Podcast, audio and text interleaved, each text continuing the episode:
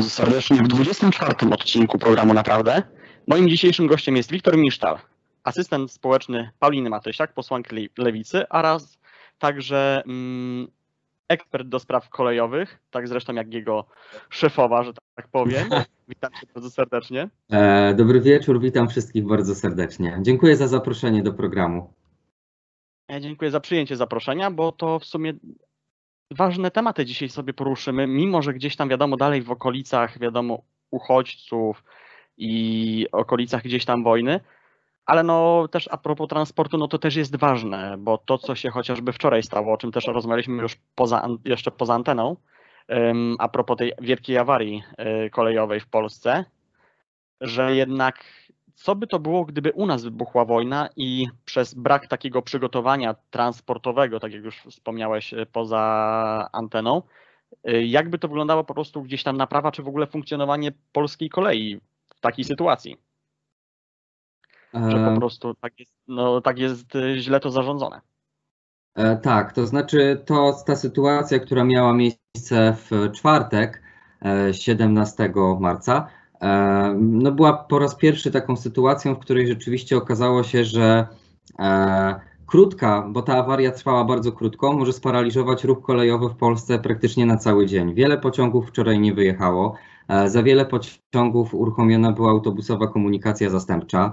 E, Zapanował chaos, dlatego że pasażerowie, którzy na co dzień korzystają z takiego bardzo popularnego port- portalu Portal Pasażera, uruchomionego przez zarządcę infrastruktury kolejowej PKP Polskie Linie Kolejowe, padł. I tak się działo też przy innych sytuacjach, jakichś wichurach, y, kataklizmach, kiedy okazywało się, że pociągi e, gdzieś stają, pasażerowie tłumnie wchodzili na tę stronę, no i nie, nie mogli uzyskać jakby żadnej konkretnej informacji, ponieważ ta strona się wieszała. E, No wczoraj mieliśmy do czynienia z wyjątkową sytuacją, dlatego że padły lokalne centra sterowania praktycznie w całej Polsce. E, No i to było ogromne wyzwanie przede wszystkim przed dyżurnymi ruchu, e, mm, przedstawicielami przewoźników, przedstawicielami zarządcy infrastruktury. Oni musieli powołać sztab kryzysowy i po prostu no, za pomocą łączności telefonicznej podejmować decyzję, który pociąg wyjedzie, na jaki tor.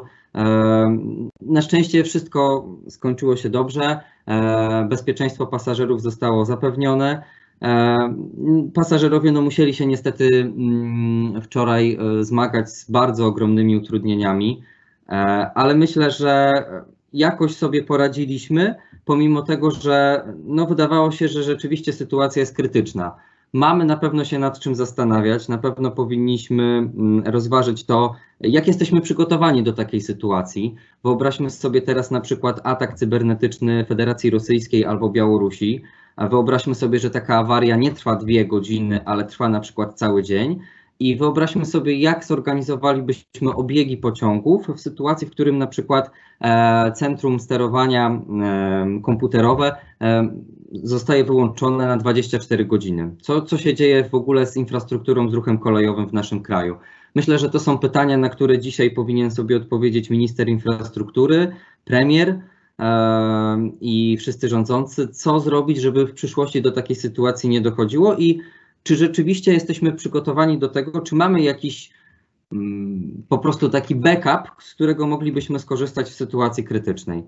Sytuacja też, która wczoraj miała miejsce, myślę, że była trudna dla właśnie uchodźców z Ukrainy, dlatego że e, komunikaty, które się pojawiały na dworcach o opóźnieniach pociągów, w większości nie dam sobie ręki uciąć, że na pewno we wsz- wszystkich dworcach, ale wydaje mi się, że w większości dworców w Polsce nie były po e, ukraińsku, nie były po rosyjsku, więc ci ludzie mogli się czuć zdezorientowani. E, Na pewno nie było uruchomionych żadnych mobilnych punktów informacji, nie było mobilnych informatorów, którzy mogliby pomóc takim osobom. E, Więc też widzimy, przed jakimi wyzwaniami stoi w ogóle kolej. To jest przede wszystkim no, jak najbardziej dostosowanie naszej infrastruktury, naszych systemów informacji do e, potrzeb osób z Ukrainy, czyli przede wszystkim przejście wszystkiego, co się da, na język ukraiński, ewentualnie rosyjski.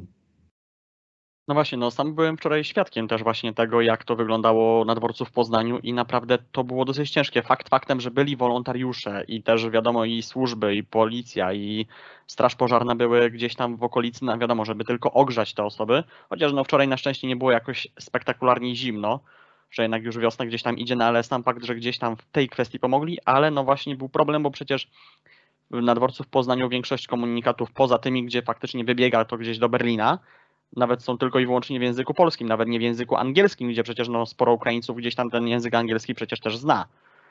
Być może nawet więcej niż język polski zresztą, więc. No właśnie tak. I, i tutaj, e, o ile pojawiają się jakieś informacje, na przykład w wagonach PKP Intercity w języku ukraińskim, z informacją o tym, że obywatele Ukrainy mogą rzeczywiście korzystać e, bezpłatnie z pociągów kategorii IC i TLK, o tyle już na samym dworcu brakuje e, takich informacji w języku ukraińskim, na przykład elektroniczne tablice wyświetlające rozkład wyświetlające informacje o opóźnieniach pociągów są jedynie w języku polskim i angielskim. E, tam nie ma języka ukraińskiego, nie ma języka rosyjskiego, więc e, wydaje mi się, że to jest taka rzecz, z którą właśnie PKP PLK i PKP SA jako zarządca dworca powinny sobie w przyszłości jak najszybciej e, poradzić. To jest bardzo potrzebne. Ta informacja w języku ukraińskim dzisiaj myślę, że jest najważniejsza i, i wszędzie, gdzie się da, no my jakby teraz w tej sytuacji, w której się znaleźliśmy, kiedy mamy 2 miliony uchodźców z Ukrainy w Polsce, też musimy szyb, bardzo szybko przejść taki przyspieszony kurs języka ukraińskiego, bo jest to potrzebne zarówno nam, tym, którzy chcą nieść pomoc, ale zarówno tym, którzy tej pomocy potrzebują. E, tak więc mam nadzieję, że o ile już przewoźnicy i gdzieś tam strony internetowe powoli są budowane w języku ukraińskim, o tyle już na samym dworcu, czyli w tym krytycznym momencie, w tym momencie, w którym ta podróż się rozpoczyna, też coraz więcej tych informacji pojawi się właśnie w języku ukraińskim, rosyjskim, tak żeby e, wszyscy pasażerowie czuli się bezpiecznie, czuli się zadbanie, zadbani, czuli się komfortowo, nie czuli takiego stresu i nie czuli takiej potrzeby e, poszukiwania jakiegoś e, informatora, który znałby właśnie któryś z tych języków. No właśnie, tym bardziej, że przecież już, do, już dosyć długo podróżują zresztą, a też byłem świadkiem takiej sytuacji, że kobieta z dziećmi jechała właśnie, znaczy miała docelowo dojechać do Kołobrzegu, a jechała z Poznania na Wolsztyn, czyli teoretycznie no bardziej, jeszcze bardziej na południe przecież. Więc y, z tego Wolszyna dopiero gdzieś mogła chyba, nie wiem, czy do Zielonej Góry dojechać, no pra prawdopodobnie jeszcze chyba gdzieś do Zbąszynia, bo chyba z Wolsztyna bezpośrednio do Zielonej Góry nie ma żadnego pociągu. Nie, nie, nie ma. Więc właśnie musiała tak czy siak dojechać do Zbąszynia, żeby gdzieś tam w tamte wjechać. Także no przez te problemy tak czy siak te osoby musiały jeszcze wydłużyć swoją podróż, która i tak przecież nie była, nie była krótka, bo być może całą Ukrainę przebywała, więc no, no tak jak mówisz, jest to do pomyślenia przez zarówno przewoźnika, no i też no, zarządców typu właśnie minister infrastruktury czy premier właśnie, bo Sytuacja i tak wydaje mi się, że już jest nieco lepsza niż e, na początku, dlatego że kiedy wybuchła wojna na Ukrainie, okazało się, że e, no jakby minister zapowiedział, że pociągi PKP Intercity będą za darmo, ale okazało się, że nie wszystkie, bo chodziło tylko o te kategorie TLK i Intercity. I e, taki obywatel Ukrainy być może nie miał świadomości tego, że w naszym kraju kursują też pociągi Intercity czy ekspresy i że z tych pociągów akurat nie może skorzystać. Na szczęście to udało się zrobić dzięki między innymi interwencji posła Krzysztofa Śmiszka i właśnie wspomnianej e, wcześniej posłanki Pauliny Matysiak.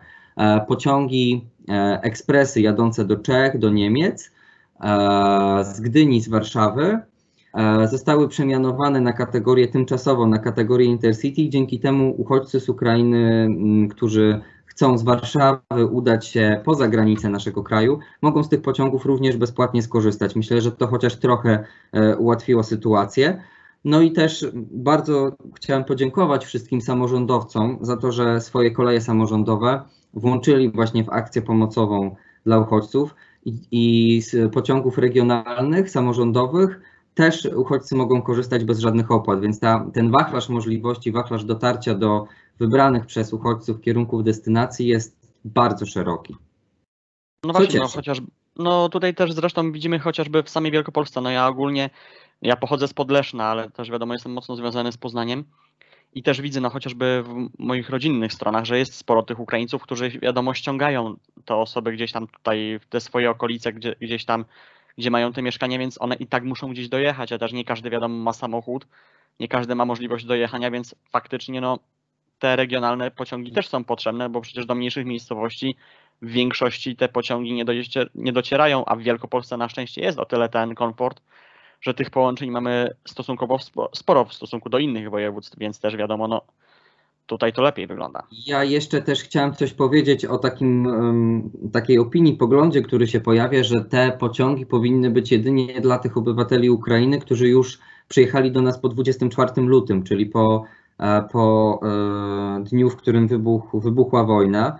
Nie uważam, że osoby z Ukrainy, które są u nas i podróżują w tej chwili bezpłatnie, bo mają taką możliwość, e, które są wcześniej, które przyjechały wcześniej i podróżują bezpłatnie, mają jakikolwiek przywilej, dlatego że też trzeba spojrzeć na to w ten sposób, że często te osoby muszą gdzieś dojechać właśnie po to, żeby ściągnąć swoich bliskich do siebie. Więc to też się wiąże z pewnymi kosztami.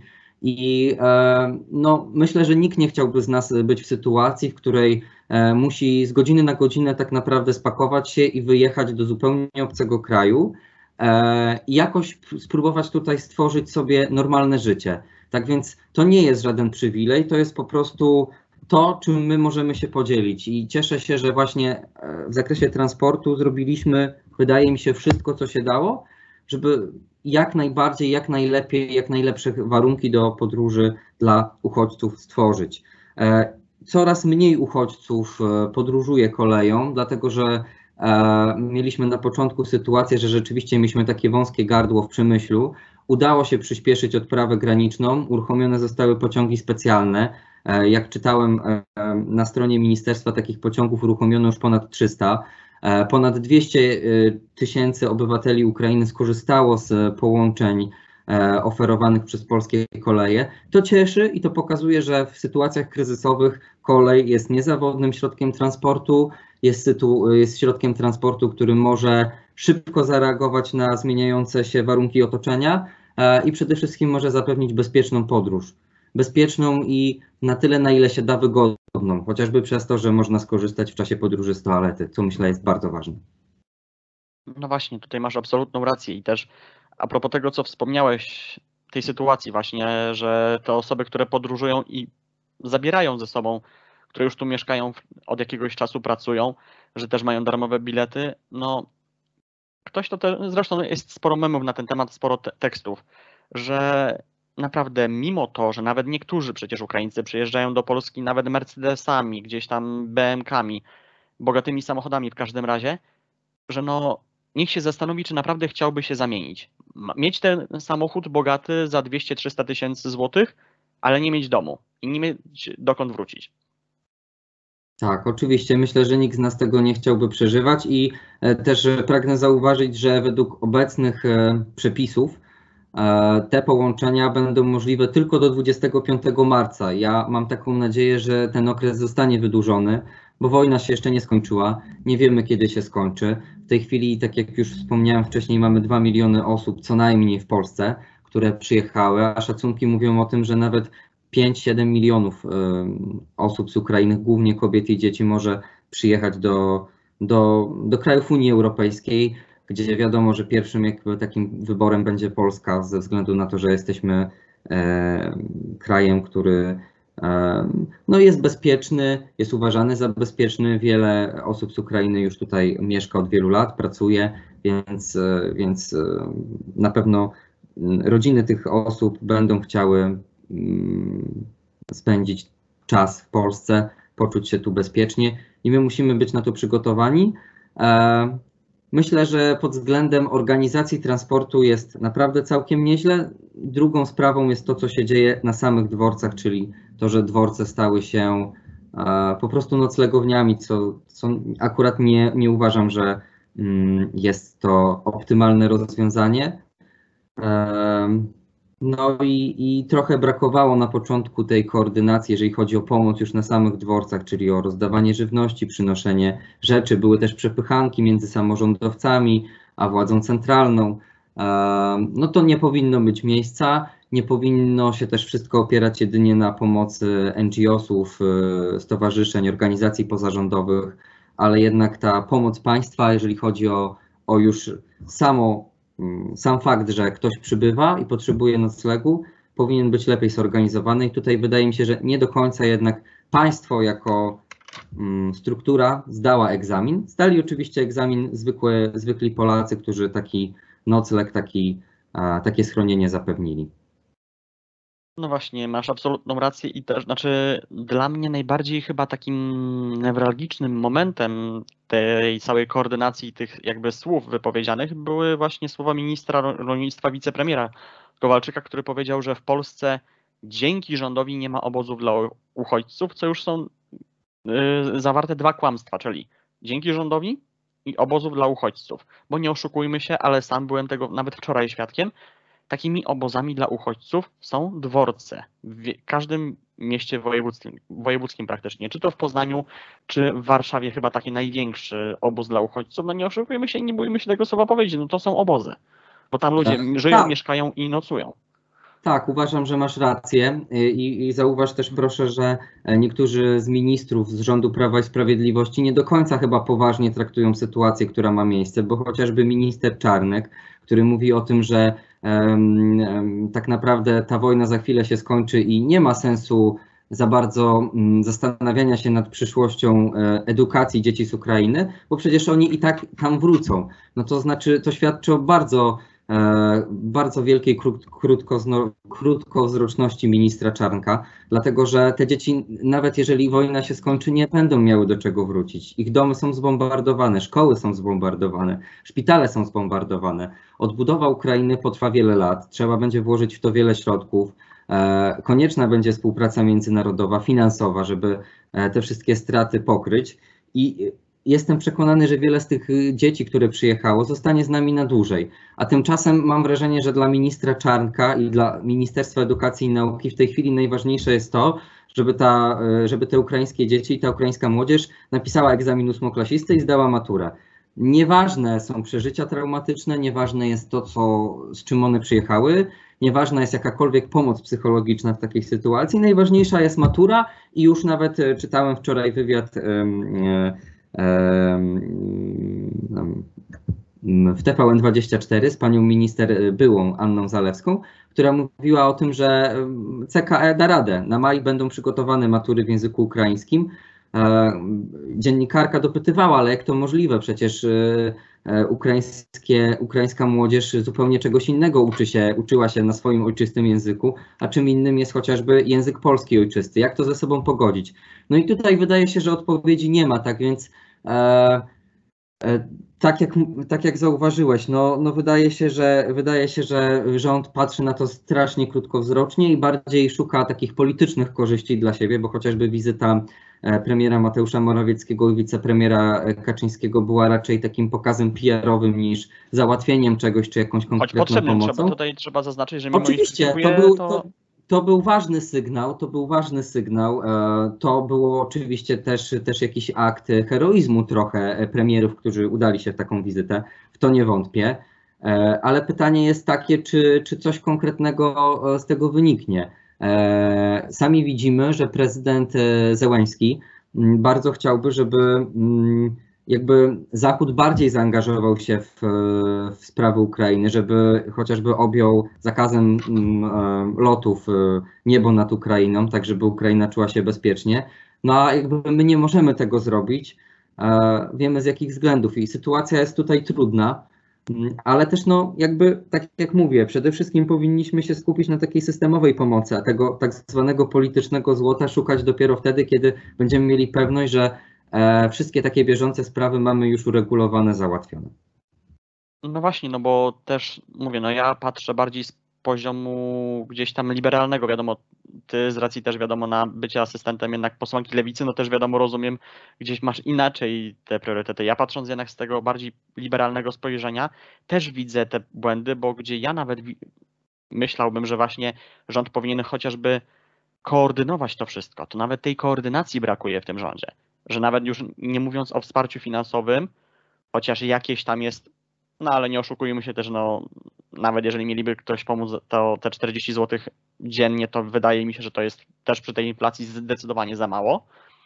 To nawet z tego liberalnego punktu widzenia, nawet tej koordynacji brakuje, że tego nie ma i że tak naprawdę, gdzie rząd z wiadomych względów ma gdzieś te wszystkie bazy danych, ma to wszystko skoordynowane też, wiadomo jak to rozlokować, też byłby takim jedynym hubem, tak na dobrą sprawę, który mógłby to pokazać każdemu uchodźcy, że dobra, idźcie do tego, bo ma mieszkanie wolne, idźcie do tego, bo nie wiem, jest, no, idźcie tam, bo tam jest, nie wiem, noclegownia albo coś takiego.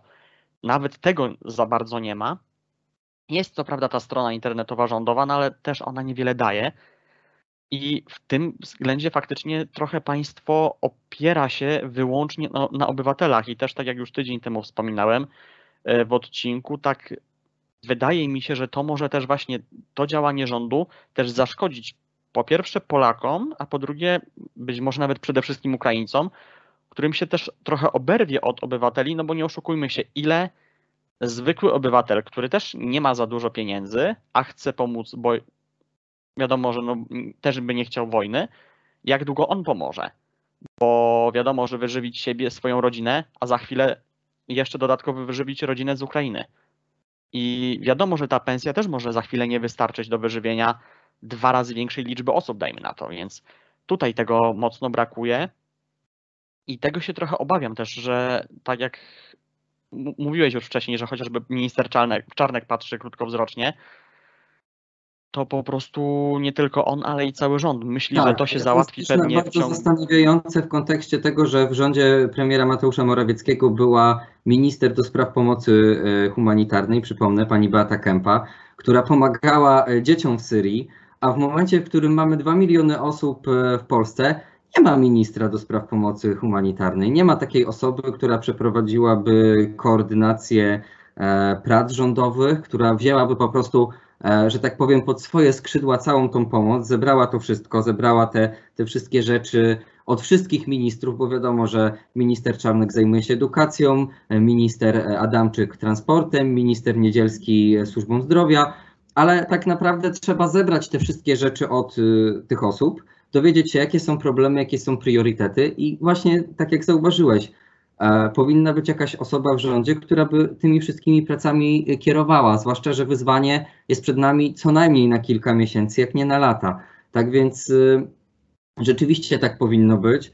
No i wydaje mi się, że w kontekście tego, co powiedziałeś o y, stawce dziennej, czyli tych 40 zł dziennie na pomoc uchodźcom, to tak naprawdę rząd y, zdaje się chyba czeka na to, że przy okazji Mm, tej sprawy, którą mamy, czyli właśnie pomocy uchodźcom, zostaną odblokowane chociażby środki z Funduszu Odbudowy i że po prostu za pieniądze unijne będzie można pomóc uchodźcom. Jesteśmy w Unii Europejskiej, jesteśmy częścią wspólnoty, oczywiście powinniśmy się jak najbardziej domagać e, środków sprawiedliwych na pomoc e, obywatelom Ukrainy. Nie wyobrażam sobie, żeby Unia Europejska e, zostawiła nas samych w tej sprawie.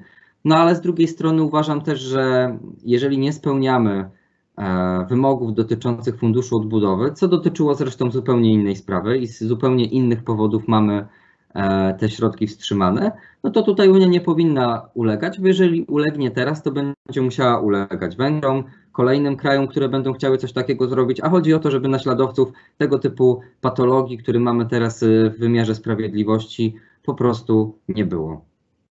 No właśnie, i też w kontekście chociażby kandydatów, czy przyszłych kandydatów do wejścia do Unii Europejskiej, bo przecież to by mogło pokazać, nie wiem, no nawet, nawet Ukrainie, czy Mołdawii, czy Gruzji, że no, takie zasady też mogą, znaczy no, te, te zasady mogą być łamane jawnie i to bez względu na to, czy oni są w stanie wojny, czy w stanie bojaźni wobec wojny, ale przecież w każdym państwie, tym bardziej tak zagrożonym i blisko Rosji, Przecież może gdzieś tam wyjść taki rząd prorosyjski, który będzie chciał łamać takie, a nie inne zasady, które są w Unii Europejskiej i mogą po prostu zagrażać integralności Unii. To jest bardzo, to jest bardzo prawdopodobne. Jesteśmy Unią wspólno, wspólnotą, ale też Unią wartości. Umawiamy się na pewne wartości i 27 państw, które do Unii Europejskiej należy, jest zobowiązane te wartości, tych wartości przestrzegać. Nie wyobrażam sobie, żeby było inaczej. Od wielu miesięcy mamy zapowiedzianą, zapowiedzianą przez rząd likwidację Izby Dyscyplinarnej, a to oznacza, że e, rząd na poważnie myśli o tym, żeby ten konflikt z Unią Europejską zakończyć. Udało się zakończyć spór z Czechami o Turów. Tak więc ja czekam z Amerykanami o TVN. Tak, e, i chociażby przez weto prezydenta w sprawie ustawy Lex TVN. E, tak samo liczę, że po prostu tutaj uda się przedstawić parlamentowi ustawę, znaleźć dla niej większość. Myślę, że nie będzie z tym problemu, nawet jeżeli Solidarna Polska zagłosuje przeciw, to opozycja wspomoże rząd. Natomiast jeżeli chodzi o pomoc uchodźcom, powinien być uruchomiony specjalny fundusz, powinny być specjalne środki na to. Nie jestem tutaj ekspertem, więc nie wypowiem się, jaka to powinna być kwota. Wiem na pewno, że za 40 zł dziennie, które proponuje w tej chwili rząd, nie da się przeżyć, nie da się godnie przeżyć. Poza tym my mamy jeszcze mnóstwo różnych wyzwań, mamy też tarczę antyinflacyjną, e, więc mamy jeszcze, mamy jeszcze różnego rodzaju programy społeczne, które też kosztują. Tak więc rząd no, sam trochę stawia się w niekomfortowej sytuacji, powinien zabiegać o to, żeby tych pieniędzy było po prostu jak najwięcej z wszystkich możliwych źródeł. No niestety, no i tutaj też wychodzi to, że po prostu nie wykorzystaliśmy trochę, znaczy rząd PiSu nie wykorzystał trochę tej dobrej koniunktury finansowej, którą mieli, którą mieli na samym początku ich rządów, gdzie tak naprawdę zamiast oszczędzać pieniądze, obok, wiadomo, wiadomo też obok pomagania, no bo wiadomo, że to jednak gdzieś tam to społeczna gospodarka rynkowa, wiadomo, że gdzieś tam, no wiadomo też jest zapisana w konstytucji, więc też tutaj nie ma co do tego mówić, chociaż sam jestem wiadomo temu przeciwny, tak w pełnej tej klasie, ale sam fakt, że po prostu przespaliśmy ten moment właśnie, żeby oszczędzać, że tych oszczędności nie było i teraz no, na tym niestety wszyscy tracimy, no bo przez ten brak oszczędności i gdzie nawet nie byłoby pandemii, bo przecież też ekonomiści mówili, że gdyby nawet nie pandemia, to w 2020 i 2021 roku mielibyśmy tak czy siak do czynienia z osłabieniem gospodarki, więc rząd mógłby się nawet na to przygotować, nawet nie patrząc na to, czy była pandemia, czy nie. Nie zrobili tego, no i teraz niestety wszyscy ponosimy e, za to, od, znaczy no, ponosimy tego, tej polityki skutki. Niestety nie tylko my, ale w tym momencie także Ukraińcy. A no propos tak. tej pomocy, to, te, to teraz to też dzisiaj, znaczy w sensie w piątek, yy, przyszła informacja, że Stany Zjednoczone przekażą. Tutaj mam w sumie dwie różne informacje, ale yy, około 50 milionów dolarów na wsparcie ukraińskich uchodźców w Polsce, które te pieniądze zostaną przekazane organizacjom pozarządowym i samorządom. Więc to też jest jasny sygnał, moim zdaniem, też ze Stanów Zjednoczonych, że oni chcą pomagać wewnątrz tego, tej sytuacji, a nie żeby ktokolwiek rozdysponowywał, kto tak naprawdę nie ma o tym pojęcia i chyba nie panuje, i też, no wiadomo, nie panuje nad tym. Muszę przyznać, że jestem pod ogromnym wrażeniem e, prezydentury Joe Bidena od momentu właśnie wybuchu konfliktu na Ukrainie, dlatego że w dużej mierze to e, Amerykanie, amerykański wywiad tak naprawdę nas ostrzegł przed tym, że ta wojna będzie miała miejsce. Wiele osób nie dowierzało, ale to pokazuje, jak oni bardzo dobrze są przygotowani technologicznie, militarnie do prowadzenia tego typu działań, jak potrafią szybko i e, bezbłędnie uzyskać e, ważne i strategiczne dla losów świata informacje.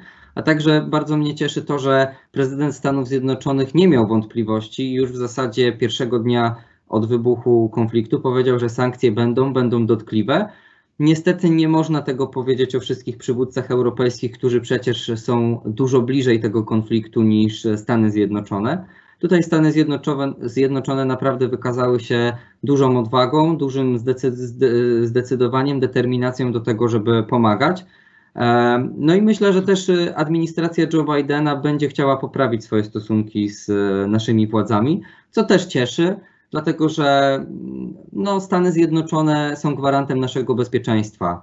NATO jest gwarantem naszego bezpieczeństwa. Nie wyobrażam sobie, żebyśmy e, z naszym strategicznym sojusznikiem e, mieli relacje chłodne, złe. Musimy mieć relacje dobre, zwłaszcza w tak trudnych czasach, jakie e, mamy teraz i jakie będą przed nami. Oczywiście, że tak. A powiedz mi tak też z perspektywy właśnie osoby bardziej no, trzymającej z lewicą. Powiedz mi, jak też w polskiej lewicy gdzieś tam to wygląda i też być może gdzieś tam w europejskiej, jak się postrzega trochę tak, taką właśnie dosyć bierną, chociaż nie do końca wiadomo, postawę właśnie kanclerza Scholza, który też przecież jest socjaldemokratą. Jak to właśnie wygląda? Czy macie jakieś wytłumaczenie na to, dlaczego on to robi poza tym, że tłumaczy się właśnie kwestiami gospodarczymi czy właśnie energetycznymi? E, wydaje mi się, że tutaj mm, ta, ten podział przebiega bardziej od takiej wrażliwości geograficznej niż politycznej, dlatego że polska lewica jest tutaj bardzo zdeterminowana i rzeczywiście posłanki, posłowie walczą o, o, o różne rzeczy. Tak jakby właśnie wspomniana wcześniej posłanka Matysiak o, i poseł Śmiszek o pociągi, czy chociażby poseł Szczepański, który też był aktywny, jeżeli chodzi o o e, przyjmowanie uchodźców z innych krajów, którzy przyjechaliby do Polski, żeby ułatwić im wszystkie procedury administracyjne. E, natomiast wydaje mi się, że, że Niemcy chyba nie do końca są świadomi tego, co się dzieje. Wydaje mi się, że są daleko.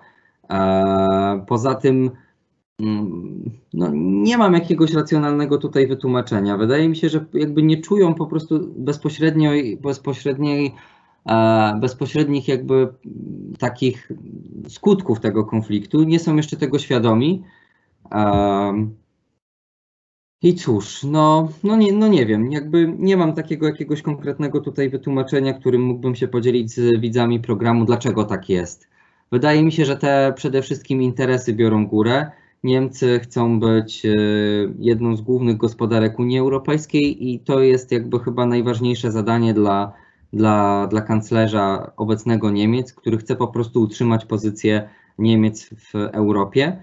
E, no I swoją pozycję też. E, swoją pozycję polityczną również, tak, żeby nie stracić, nie stracić w swoim własnym kraju poparcia. Pytanie tylko, czy to, co robi, jest etyczne? Wydaje mi się, że nie, że Niemcy stać by było po prostu na bardziej zdecydowane kroki niż, niż takie, które czynią obecnie ale zobaczymy, być może to stanowisko ulegnie weryfikacji. Kanclerz Scholz jest bardzo niepewnym politykiem. Ciężko jest powiedzieć, w jakim kierunku pójdzie. E, ja Bardziej trochę... pewna jest na szczęście minister spraw zagranicznych, e, właśnie Annalena Berbok, która jednak tu bardziej stanowczo też działa na tym polu. E, bardzo się cieszę, że pani minister działa bardziej stanowczo, no ale jednak jakby takim głównym głosem płynącym z no tak. Niemiec jest kanclerz, więc E, więc fajnie byłoby, gdyby mm, kanclerz Niemiec po prostu był zdecydowany, szedł z Unią Europejską, jednak tutaj wydaje mi się, że nasz premier ma rację i jakby to, co my, kraje w ogóle Europy Środkowo-Wschodniej oferują, proponują, jest słuszne i, i tutaj Europa powinna się z naszym stanowiskiem zgodzić. No właśnie, tym bardziej, że w sumie nie wiem, czy też zauważyłeś taką trochę być może polityczną w kontekście takim, że jednak wiadomo, że no te, rząd PiSu jednak patrzy bardzo mocno na słupki sondażowe, to jednak porównując chociażby premiera Morawieckiego z premierem Orbanem, widać bardzo diametralną różnicę i to nawet nie tylko na polu takim, że jednak w Polsce jest więcej osób, które niezbyt przychylnie patrzą i pamiętają dobrze czasy komunizmu, PRL-u, kiedy to jednak Rosja była, znaczy no Związek Radziecki ówcześnie e, tym przewodnim, jakby naszym przyjaciel, w cudzysłowie przyjacielem w stosunku do Węgier, gdzie tam jednak z tego co wiem te sentymenty dotyczące Związku Radzieckiego są dużo, dużo wyższe niż w Polsce, to jednak sam fakt tej jakby trochę przemiany, bo nie oszukujmy się, przecież pamiętamy o tym, że jednak premier Morawiecki spotykał się zarówno i z Marine Le Pen, i z Matteo Salvini i z premierem Orbanem byli wręcz przyjaciółmi, że tak można powiedzieć, politycznymi, że jednak ta przemiana nastąpiła i o ile nie chcę chwalić tego rządu, bo jest wiele rzeczy, które trzeba krytykować i nie jest to jakaś przemiana, że nagle o, będziemy wszyscy wspierać PiS i popierać i nie wiem, wybierać w następnych wyborach, ale sam fakt tej przemiany też mnie trochę ciekawi z takiego politycznego punktu widzenia, że jednak mimo tego, że no, gdzieś tam było im blisko do Orbana, tak teraz widać, że ta przyjaźń polsko-węgierska stała się bardzo chłodna, też szczególnie właśnie ze strony węgierskiej, że, gdzie przecież media węgierskie wręcz jawnie mówią o Polsce, że są tak jakby prowodyrami tej wojny, że to Polska chce rozszerzyć NATO na wschód, gdzie Węgrzy tego nie chcą. Mm, tak. Y no i znowu tutaj jakby wszystko się opiera o, o położenie geograficzne. My jesteśmy sąsiadami Ukrainy, jesteśmy też sąsiadami... No Węgrzy zresztą też, no przecież nie oszukujmy się. Tak. E, Węgry też, ale wydaje mi się, że, że interesy, przede wszystkim cały przemysł propagandy e, Wiktora Orbana oparty jest właśnie o finansowanie z Rosji. E, Viktor Orban jest świadomy tego, że potrzebuje tych pieniędzy, żeby wygrywać kolejne wybory, potrzebuje tej, tej, tego wsparcia mm, i zachowuje się w sposób taki bardzo mm, stonowany, zachowawczy. To znaczy, jakby chce ten konflikt oddalić od siebie. Natomiast my jesteśmy jednak narodem, który, tak jak stwierdziłeś, nie darzymy wielką sympatią Związku Radzieckiego. E, nie chcemy powtórki tego, co skończyło się w 1989 roku. Boimy się o Ukrainę, bo boimy się też o siebie, bo mamy świadomość tego i nawet gdzieś e, czytałem o tym, że 75% Rosjan popiera inwazję i chciałoby kolejnej inwazji na kolejne kraje.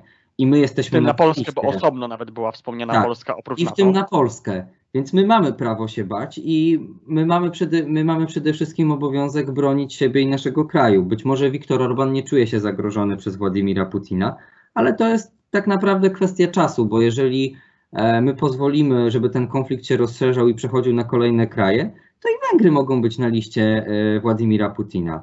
Pytanie jest takie, czy, czy Viktor Orban jest tego świadomy, czy po prostu działa jedynie w, e, cynicznie, tak jak trochę nasz rząd, patrząc na słupki sondażowe i szukając po prostu tego właśnie tak zwanego politycznego złota. Ja bardzo lubię to określenie z maila pana Dworczyka. Wydaje mi się, że właśnie szuka tego, tego politycznego złota, szuka tych, tych wzrostów sondażowych i wie, że pewnie Węgry, Węgrzy też boją się e, konfliktu zbrojnego, nie chcieliby tego konfliktu zbrojnego, więc nie angażuje się, a jednocześnie pobiera pieniądze z Rosji po prostu. No właśnie, no też, znaczy ja osobiście, nie wiem, w sumie no też gdzieś tam po cichu widziałem gdzieś tam jakieś takie porównania, ale osobiście sam nawet wręcz porównuję trochę Wiktora Orbana jakiego, tak, jakby takiego Mussoliniego tej wojny. Że Putin jest, jak, jak często też powtarzane, że jest Hitlerem, tak w moim mniemaniu Orban jest takim Mussolinim, bo nie nazwałbym Mussolinim e, imieniem Mussolina trochę Łukaszenkę, no bo Łukaszenka, nie oszukujmy się, to jest jeszcze mi nie za, jeszcze bardziej zależny od Putina polityk niż Mussolini był od Hitlera. Wręcz ja bym go nazwał takim może, nie pamiętam nazwiska szczerze powiedziawszy, ale takim jakby kanclerzem Austrii, mhm. która, zosta która została wciągnięta do III Rzeszy przecież. A właśnie Orban mógłby być takim niestety Mussolinim tej wojny, jeżeli by wybuchła niestety trzecia wojna światowa, czego chyba nikt nie chce w tym momencie. No może poza Putinem. No tak, widać, że też przywódcy światowi próbują um, trochę się pozycjonować w tych nowych rolach. E, widzimy, na jakiego męża stanu urósł prezydent Ukrainy. W zasadzie z dnia na dzień stał się autorytetem dla całego świata. E, tak naprawdę zaszczytem i honorem jest dzisiaj rozmawiać z prezydentem Ukrainy. E, widzimy to też chociażby po e, merze Kijowa, e, który też Pan Kliczko jest no, bohaterem, nawet został mu poświęcony mural chyba w Gdańsku, jeśli dobrze pamiętam. No i w Poznaniu zresztą Załęskiemu. W Poznaniu zresztą Załęskiego. No i widać, że trochę też próbują na tym ugrać właśnie politycy mniejszych krajów, takich jak właśnie Polska, gdzie też jakby E, nasz premier czy nasz prezydent zrozumieli, że to jest właśnie moment, kiedy Polska być może będzie odgrywała ważniejszą rolę w historii niż odgrywała do tej pory i warto to wykorzystać.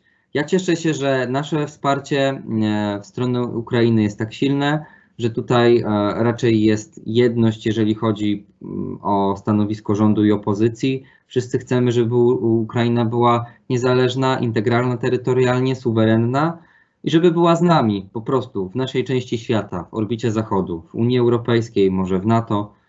Myślę, że czulibyśmy się wtedy jeszcze bardziej bezpiecznie. E, a dzisiaj pozostaje nam jedno pytanie: co jest w głowie Władimira Putina? Jakie ma plany? Czego się boi? E, jaką decyzję podejmie? Pod wpływem e, jakich osób? Tak? Kto będzie Ilu jakich ma wrogów? U siebie. I jakich ma wrogów wewnętrznych? To myślę, że są bardzo ważne pytania. Myślę, że w ciągu najbliższych tygodni, miesięcy poznamy na nie odpowiedź.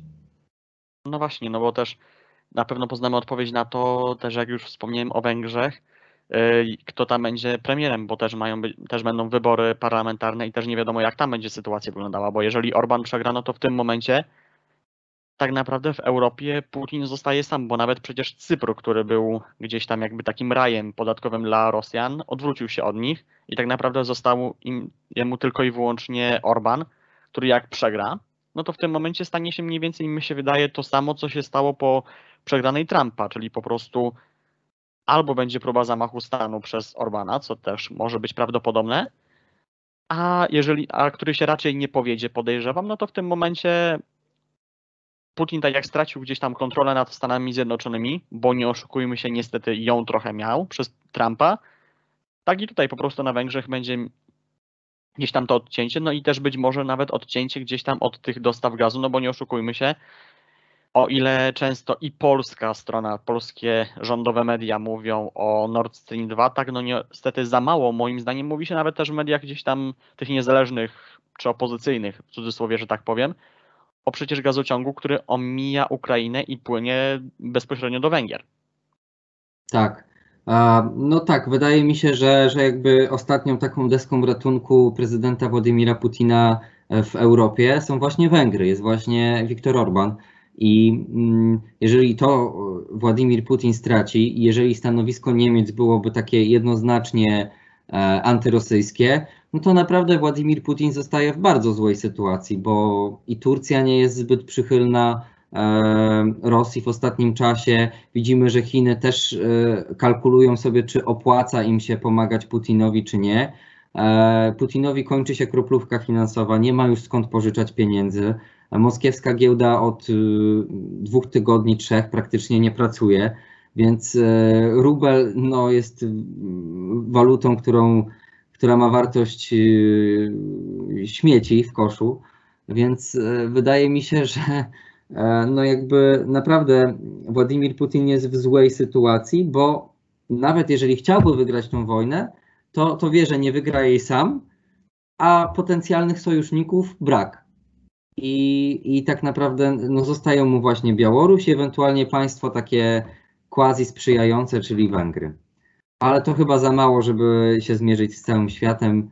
Mam nadzieję, że, że rzeczywiście w najbliższych tygodniach e, no jednak ta nasza zachodnia strona wygra po prostu, że Ukraina się nie podda i mm, Władimir Putin wycofa się, no i będzie próbował po prostu odbudować w jakikolwiek sposób gospodarkę, bo tylko to mu zostaje. Jeżeli ktokolwiek jeszcze z nim będzie chciał robić jakiekolwiek interesy.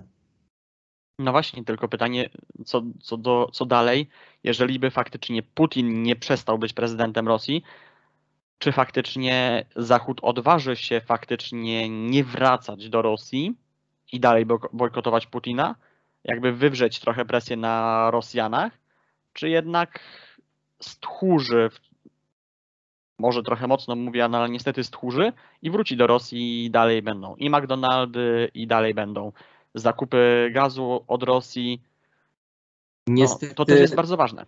Niestety obawiam się, że świat może, świat zachodu może niestety wrócić do Rosji, ale pod warunkiem tego, że inwazja na Ukrainie zostanie zakończona. To znaczy, że nie będziemy stawiać już takich bardzo radykalnych warunków, jak e, to, że Władimir Putin ma oddać władzę, ale przynajmniej, żeby zaprzestał działań wojennych na Ukrainie, to znaczy, żeby jego wojska rzeczywiście zniknęły z terytorium Ukrainy, żeby wycofał się z decyzji o uznaniu dwóch republik jako regionów separatystycznych, niezależnych, to znaczy od zależnych od Rosji, ale, ale niezależnych od Ukrainy.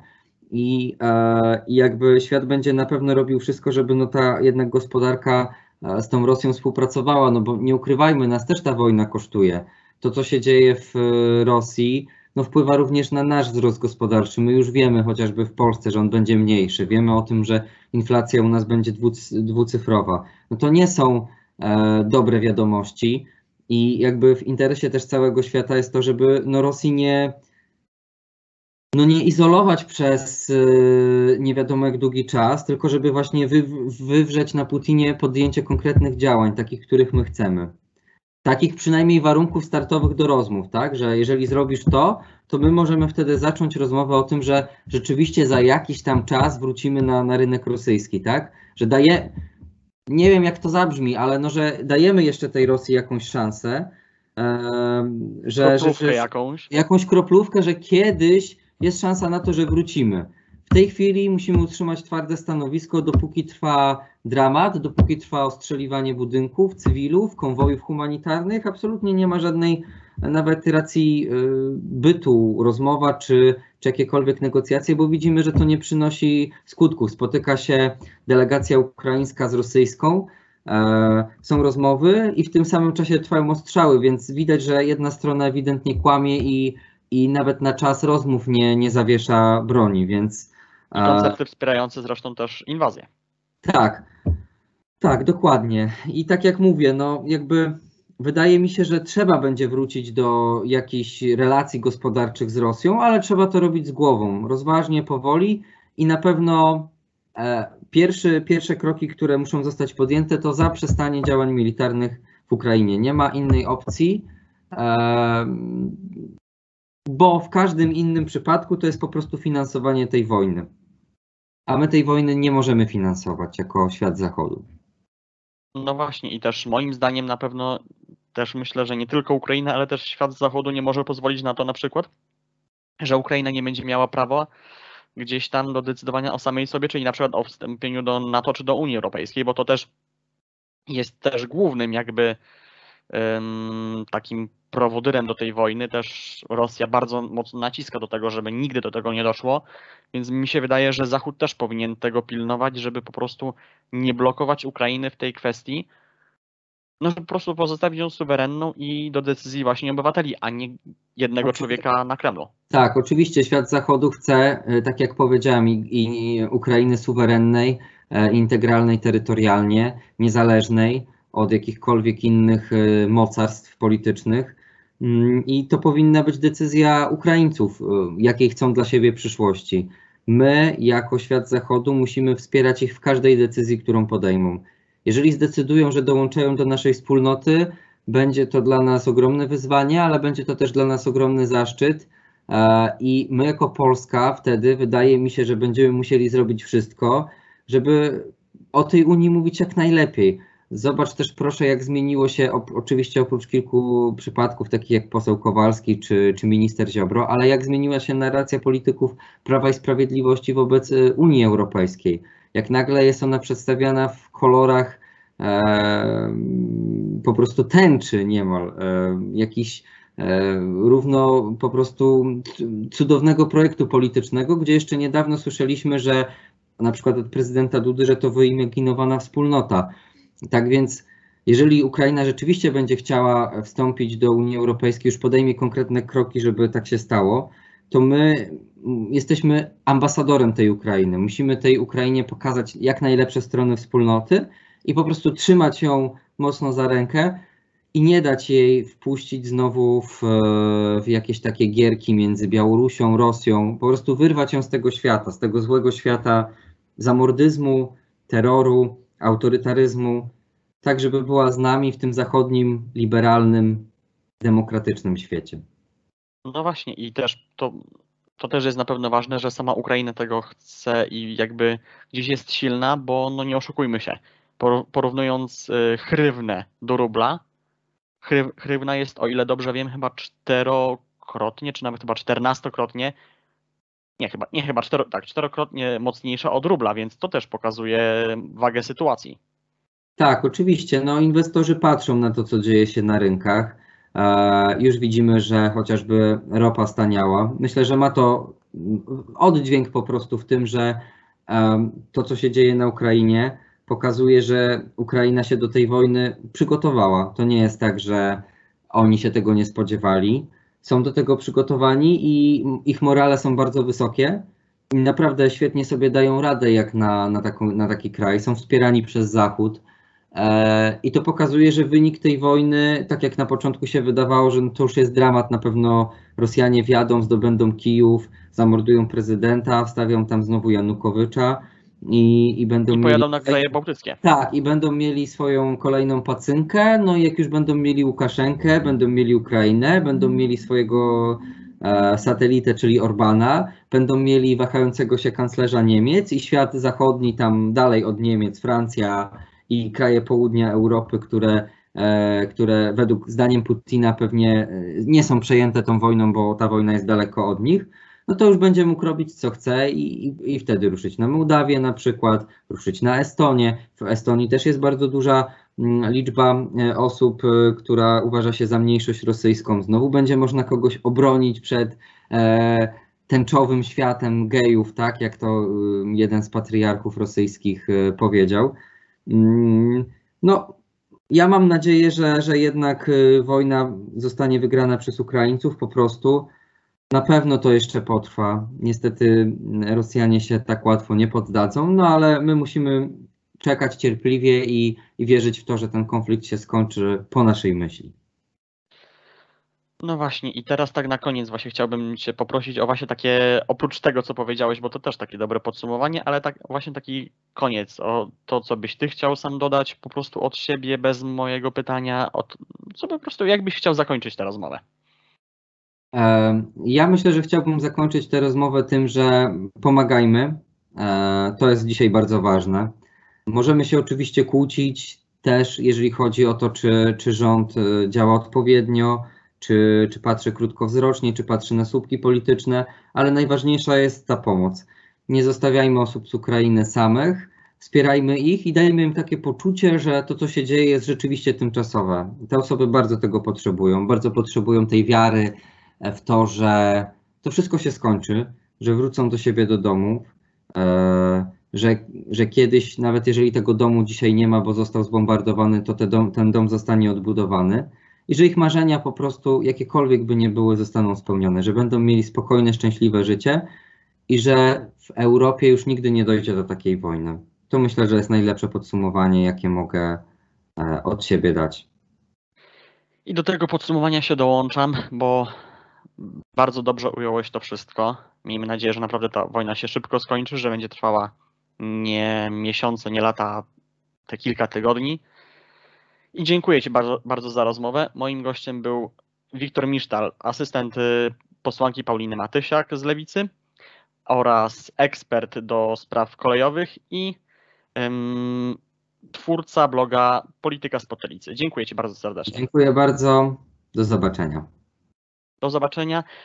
A ja dziękuję Wam za y, udział w moim programie, za oglądanie mojego programu i zapraszam na kolejne odcinki programu Naprawdę, na moje pozostałe programy oraz na moje media społecznościowe, na Facebooka, na Twittera, na y, Instagrama oraz na Spotify i wiadomo na YouTube'a, żebyście mogli te odcinki oglądać. Dziękuję Wam bardzo serdecznie i do zobaczenia w kolejnych odcinkach.